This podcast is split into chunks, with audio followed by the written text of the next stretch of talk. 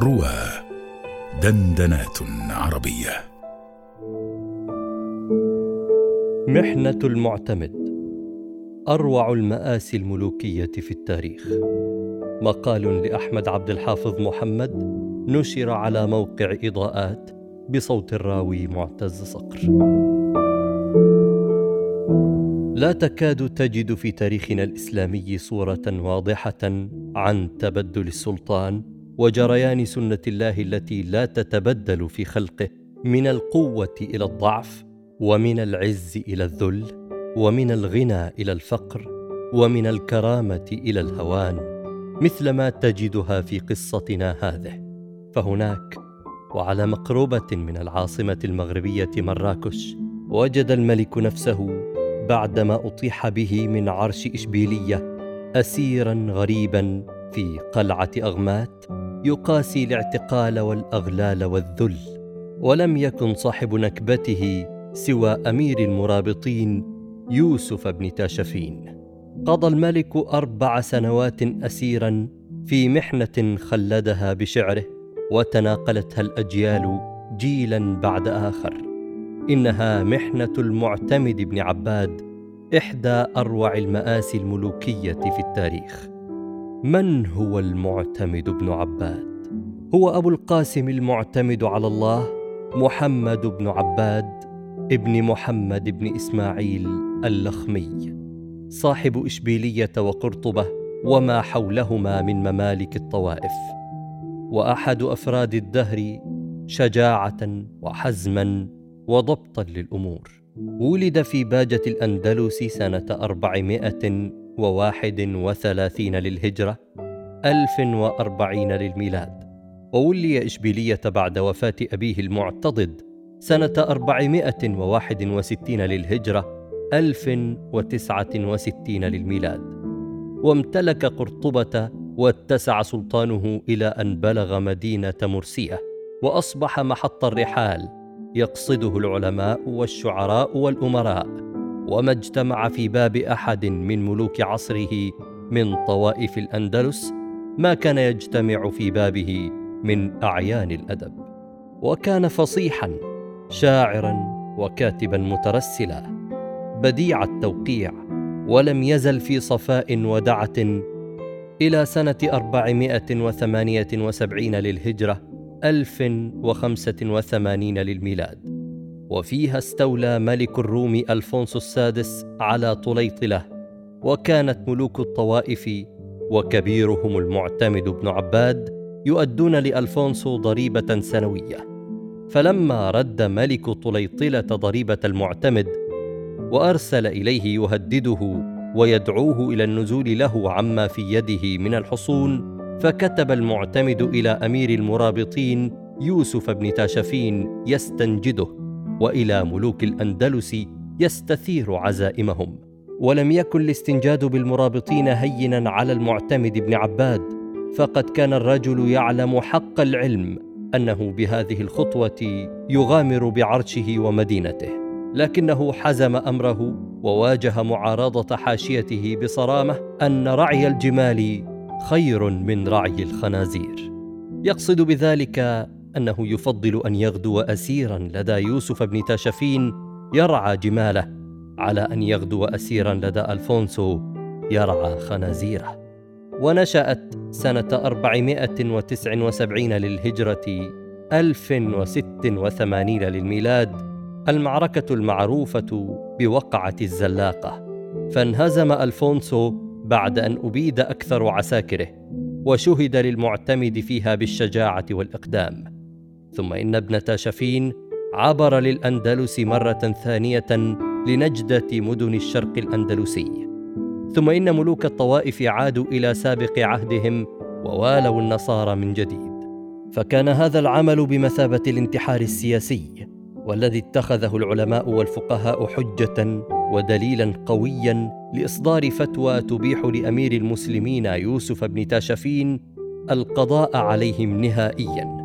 فكان العبور الثالث للمرابطين سنة أربعمائة واثنتين وثمانين للهجرة ألف وتسع وثمانين للميلاد حيث شرع ابن تاشفين في الإطاحة بهم واحدا تلو الآخر.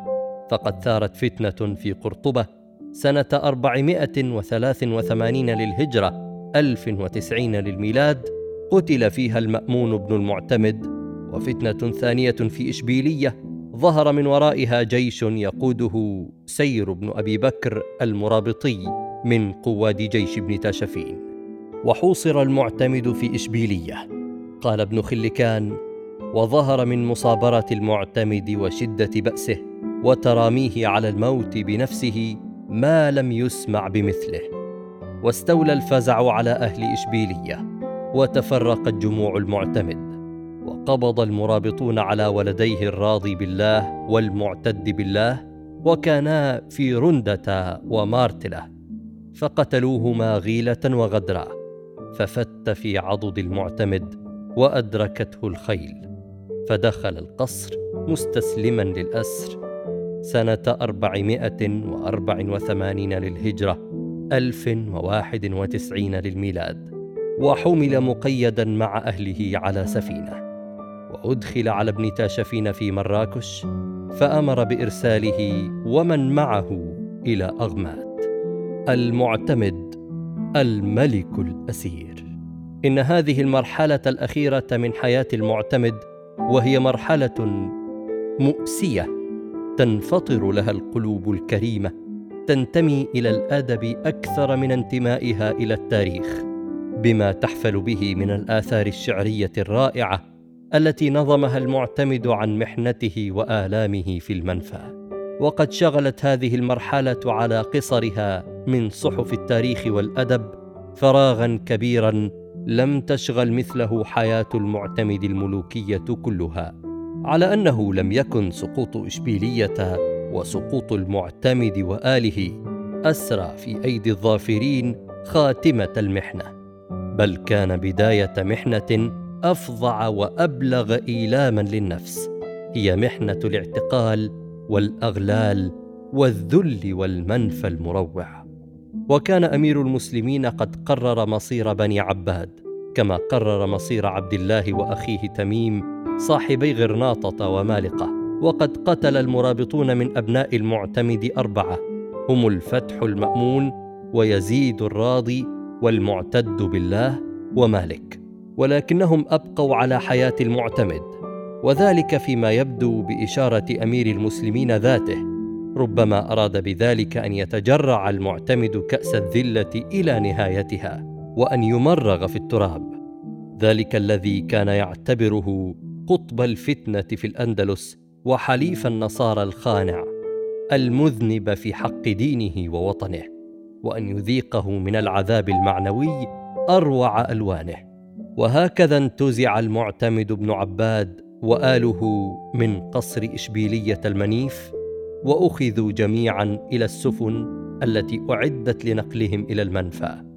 وسارت السفن من إشبيلية في نهر الوادي الكبير في طريقها إلى العدوة في مناظر تذيب القلب حزنا وأسى. وضجت جموع الشعب الغفيرة التي احتشدت على ضفتي النهر لوداع المعتمد بالبكاء والنواح حينما شهدت سيدها وراعيها بالأمس تحيق به وجميع آله أغلال الاعتقال والذلة ويغادر موطن سلطانه وعزه إلى مصيره المجهول. وفي ذلك يقول شاعر المعتمد أبو بكر بن اللبانة وقد كان من شهود ذلك اليوم من قصيدة طويلة تبكي السماء بمزن رائح غادي على البهاليل من آل ابن عبادي نسيت إلا غداة النهر كونهم في المنشآت كأموات بألحاد. حان الوداع فضجت كل صارخة وصارخ من مفدات ومن فادي سارت سفائنهم والنوح يتبعها كأنها إبل يحدو بها الحادي. كم سال في الماء من دمع وكم حملت تلك القطائع من قطعات أكباد. طنجة المحطة الأولى من المنفى. وكانت طنجة المحطة الأولى في منفى المعتمد بن عباد. وصلها وقلبه يتفطر حزنا وكمدا بعدما ضاع ملكه وتشتت أهله وتجرع مرارة الثكل في أربعة من أبنائه الذين سقطوا دفاعا عن حوزتهم. مكث اسيرا مدة يسيرة في طنجة. تهافت عليه خلالها الشعراء كما كانوا يتهافتون على بلاطه في إشبيلية.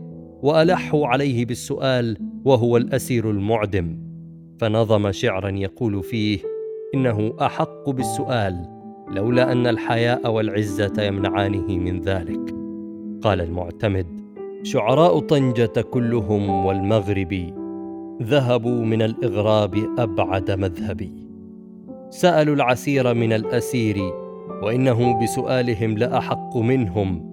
فاعجبي لولا الحياء وعزة لخمية طي الحشا لحكاهم في المطلب. وكان من بين هؤلاء الشعراء أبو الحسن بن عبد الغني الفهري. المعروف بالحصري الضرير وقد ألحف في طلب الصلة ورفع إليه أبياتا مدحه فيها ولم يراع في ذلك حرج الموقف وأبت على المعتمد أريحيته الملوكية أن يرده. فبعث إليه بستة وثلاثين مثقالا وشعرا يعتذر فيه عن ضآلة الهبة فكانت آخر صلاته الملوكية.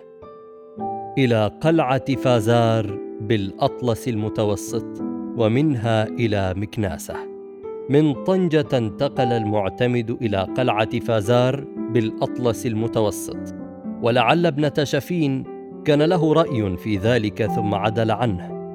ثم صدرت الأوامر بتوجهه إلى مكناسة. وهناك التقوا بعبد الله بن بلقين وأخيه تميم. وكانا ينتظران أمر السفر إلى مقرهما الأخير. وهنالك قضيا بضعة أشهر قبل أن يرسلوا إلى مقرهم النهائي. وقد مكث المعتمد في مكناسة عدة شهور كما يقول المراكشي. ويظهر أن السبب في تأخير تقرير مصير ملوك الطوائف كان يرجع إلى عملية التصفية التي يقوم بها القواد المرابطون في الأندلس. المنفى في أغمات.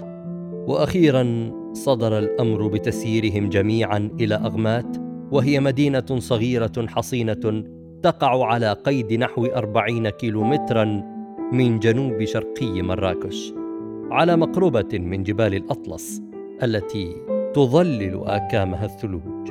وقد كانت عاصمة المرابطين الأولى وحل المعتمد وآله في أغمات في أربعمائة وأربع وثمانين للهجرة. أو أوائل سنة أربعمائة وخمس وثمانين للهجرة. وبينما أنزل عبد الله بن بلقين وأسرته دارا حسنة وعوملوا برفق ورعاية إذ زج المعتمد وآله إلى قلعة أغمات المنيعة. وهنالك قضى المعتمد بضعة أعوام في أغلال الأسر يتجرع غصص المهانة والذلة. ولم يكن مقام المعتمد بأغمات معتقلا عاديا. بل كان سجنا شنيعا بكل معاني الكلمة. ضيق فيه على المعتمد وآله أشد التضييق ولم يطلق لهم ما يكفيهم من النفقة. فكان المعتمد وزوجه اعتماد الرميكية التي كانت تسطع في الأندلس بجمالها وخلالها البارعة وأبناؤه الأمراء وبناته الأقمار يرتدون الثياب الخشنة. وكان بنات المعتمد يشتغلن بالغزل ليعلن والدهن وأسرتهن. من أشعار المعتمد في الأسر والمنفى وشعر المعتمد في هذه الحقبة من حياته شعر القلب المكلوم المفجوع والجد العاثر والجناح الكسير. غير أن ذلك لم يكن ليفقده عزة النفس وعلو الهمة. أزكت المحنة شاعرية المعتمد وكان القريض عندئذ عزاءه وغذاءه الروحي. فصدرت عنه في معتقله طائفة كبيرة من القصائد المؤسية وكلها تلهف على سابق مجده وبكاء على ماضيه ورثاء لمحنته. فمن ذلك قوله غريب بأرض المغربين أسير سيبكي عليه منبر وسرير وتندبه البيض الصوارم والقنا وينهل دمع بينهن غزير. مضى زمن والملك مستأنس به وأصبح منه اليوم وهو نفور. وجاء يوم العيد ودخلت عليه إحدى بناته في أطمار رثة. وقد صرن يغزلن للناس من أجل لقمة العيش. فرق لحالهن وأنشد فيما مضى كنت بالأعياد مسرورا. فساءك العيد في أغمات ماسورا ترى بناتك في الأطمار جائعة. يغزلن للناس ما يملكن قطميرا يطأن في الطين والأقدام حافية كأنها لم تطأ مسكا وكافورا ودخل عليه يوما ولده وكان يسمى أبا هاشم وهو في حالة الأسر والقيود آلمت قدميه. فلما رآه بكى وأنشد مناجيا قيده. قيدي أما تعلمني مسلما؟ أبيت أن تشفق أو ترحما دمي شراب لك واللحم قد أكلته. لا تهشم الاعظمه يبصرني فيك أبو هاشم. فينثني والقلب قد هشما ووصلته في أسره قصيدة من بنته بثينة. تطلب منه الموافقة على زواجها وكانت بثينة هذه مثل أمها في الجمال والذكاء ونظم الشعر.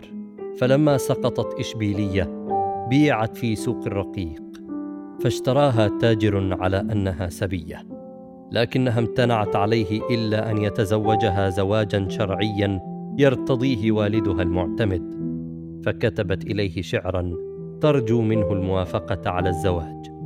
فرد المعتمد موافقا. وفاة اعتماد الرميكيه زوجة المعتمد. لم يودع المعتمد راجفة ابنته بثينه حتى استقبل رادفة زوجته اعتماد الرميكيه حيث اشتدت وطأة الأسر عليها ولم تقو طويلا على مغالبة المحنة. فذوت نضارتها بسرعة ثم توفيت فدفنت في ظاهر أغمات. على مقربة من معتقل زوجها وأولادها فحزن المعتمد لوفاتها أيما حزن واشتد به الضنا والأسى وصار يستعجل الأيام ويحث خطاها ليأخذ مضجعه في التراب بإزائها وقد أسعفه الدهر بهذه الأمنية فنام قرير العين بها. وفاة المعتمد بن عباد. واستطال أسر المعتمد وسجنه حتى سنة أربعمائة وثمان وثمانين للهجرة ألف وخمس وتسعين للميلاد بيد أنه استطاع في غمر المحنة والبؤس الطاحن أن يحتفظ بكثير من جلاله السابق. فكان هذا الجلال يشع في ظلمات سجنه كما يشع ضوء الشمس إذا أحدق به الغمام. وفي أواخر أيامه صدرت أوامر أمير المسلمين بالتضييق عليه وتصفيده بالأغلال بسبب ثورة محلية قام بها ولده عبد الجبار في بعض حصون إشبيلية وكان ممن أفلت عند سقوطها. وفي اليوم الحادي عشر من شوال سنة أربعمائة وثمان وثمانين للهجرة أواخر أكتوبر سنة 1095 للميلاد توفي المعتمد في سجنه بقلعة أغمات بعد اعتقال دام زهاء أربعة أعوام وكان سنه عند وفاته سبعا وخمسين سنة وبضعة أشهر ودفن بظاهر أغمات إلى جانب زوجته اعتماد. قال ابن خلكان ومن النادر الغريب أنه نودي في جنازته بالصلاة على الغريب بعد عظم سلطانه وجلالة شأنه. فتبارك من له البقاء والعزة والكبرياء. ومما قاله المعتمد في رثاء نفسه قبل وفاته وأوصى بأن يكتب على قبره قبر الغريب سقاك الرائح الغادي حقا ظفرت بأشلاء ابن عباد بالحلم بالعلم بالنعمى إذا اتصلت بالخصب إن أجدبوا.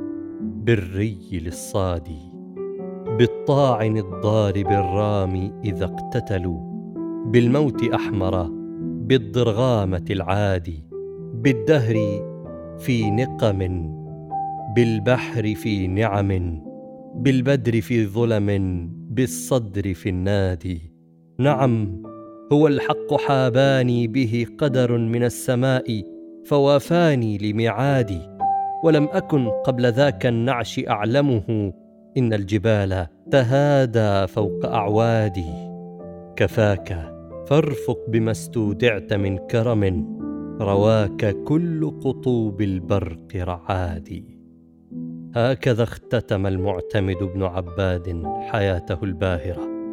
في غمرة المحنة وظلمات العدم.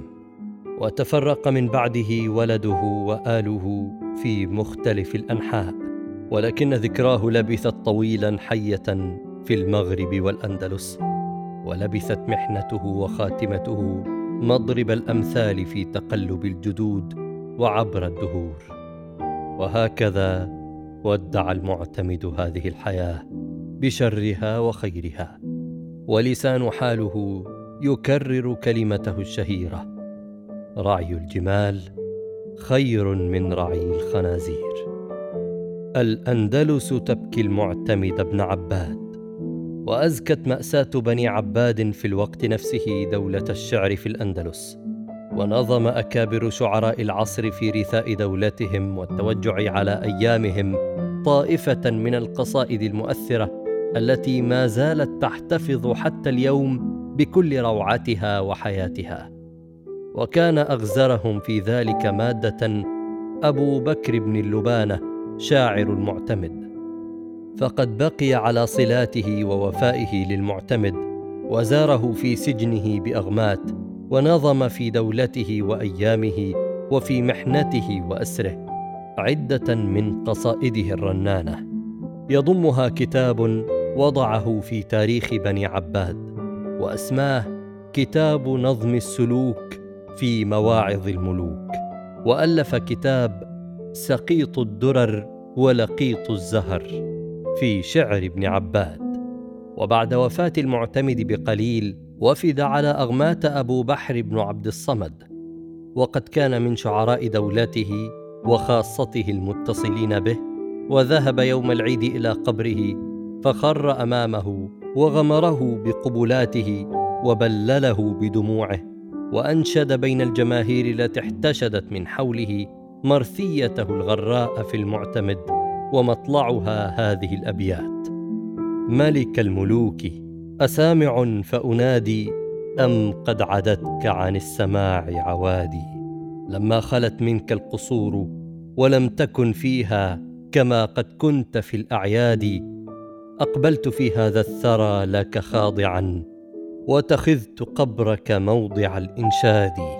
قد كنت أحسب أن تبرد أدمعي نيران حزن أضرمت بفؤادي. فإذا بدمعي كلما أجريته زادت علي حرارة الأكباد. فبكى الناس لسماعه أحر بكاء وهم يطوفون بالقبر طواف الحجيج. وكان منظرا يفتت الأكباد. على قبر المعتمد بن عباد. بثينتي كوني به برة فقد قضى الدهر بإسعافه. وقد صارت أغمات في سنوات نفي المعتمد كعبة قصدها أهل الوفاء من شعرائه وأصدقائه. كما صار قبره فيما بعد مزار المعجبين بشعره وشخصيته. فقد أسبغت هذه البقعة التي يرقد فيها ملك إشبيلية وأمير الشعر في عصره رقدته الأبدية شهرة مؤثرة على مدينة أغمات. ولما ذهبت دولة المرابطين بعد ذلك بنحو خمسين عاما غدا قبر المعتمد بن عباد وزوجه الرميكية في أغمات مزارا يحج إليه الوافدون من أنحاء المغرب والأندلس واستمر كذلك عصورا وإلى الآن. فهذا الكاتب والشاعر الكبير الوزير لسان الدين بن الخطيب زاره عند زيارته لمدينة أغمات ففي كتابه أعمال الأعلام يصف لنا زيارته للقبر في تلك العبارات المؤثرة وهو بمقبرة أغمات في نشز من الأرض وقد حفت به سدرة وإلى جانبه قبر اعتماد حظيته مولاه رميك وعليها وحشة التغرب ومعاناة الخمول بعد الملك فلا تملك العين دمعها عند رؤيتها. وقد أنشد على القبر أبياتا يقول فيها قد زرت قبرك عن طوع باغماتي رأيت ذلك من أولى المهمات. لم لا أزورك يا أندى الملوك يدا ويا ضياء الليالي المدلهمات. أناف قبرك في هضب يميزه فتنتحيه حفيات التحيات. كرمت حيا وميتا واشتهرت علا فأنت سلطان أحياء وأموات. ما رأي مثلك في ماض ومعتقد ألا يرى الدهر في حال ولا اتي وزاره المقري مؤرخ الأندلس في سنة ألف وعشر للهجرة ألف وستمائة واثنتين للميلاد ورآه كما ذكر ابن الخطيب فوق ربوة في مكان يغمره النسيان فوقف أمامه خاشعا متأثرا. وفي الختام فإن محنة المعتمد بن عباد مأساة من أروع المآسي الملوكية. وما زالت محنة هذا الأمير تحتفظ إلى يومنا بالرغم من كر العصور بألوانها المشجية وقد أثارت عطف الرواية الإسلامية وتأثرها البالغ إلا أننا هنا لا نضع ابن تاشفين في ميزان النقد التاريخي لنتهمه مع المتهمين أو نبرئه مع المبرئين أو لنتلمس له الأعذار مع المتلمسين. فليس هذا مقامه. وقد قال التاريخ كلمته في الموضوع وما أنت في ذلك كله إلا الحكم. وهذه تأملات تثيرها في النفس محنة المعتمد بن عباد. ولا ريب أن هذه الخاتمة المؤسية التي قدر للمعتمد أن يعاني آلامها المروعة المادية والمعنوية لحرية بأن تسبغ عليه ثوب شهيد. يستحق عطف التاريخ وصفح الأجيال. Thank you.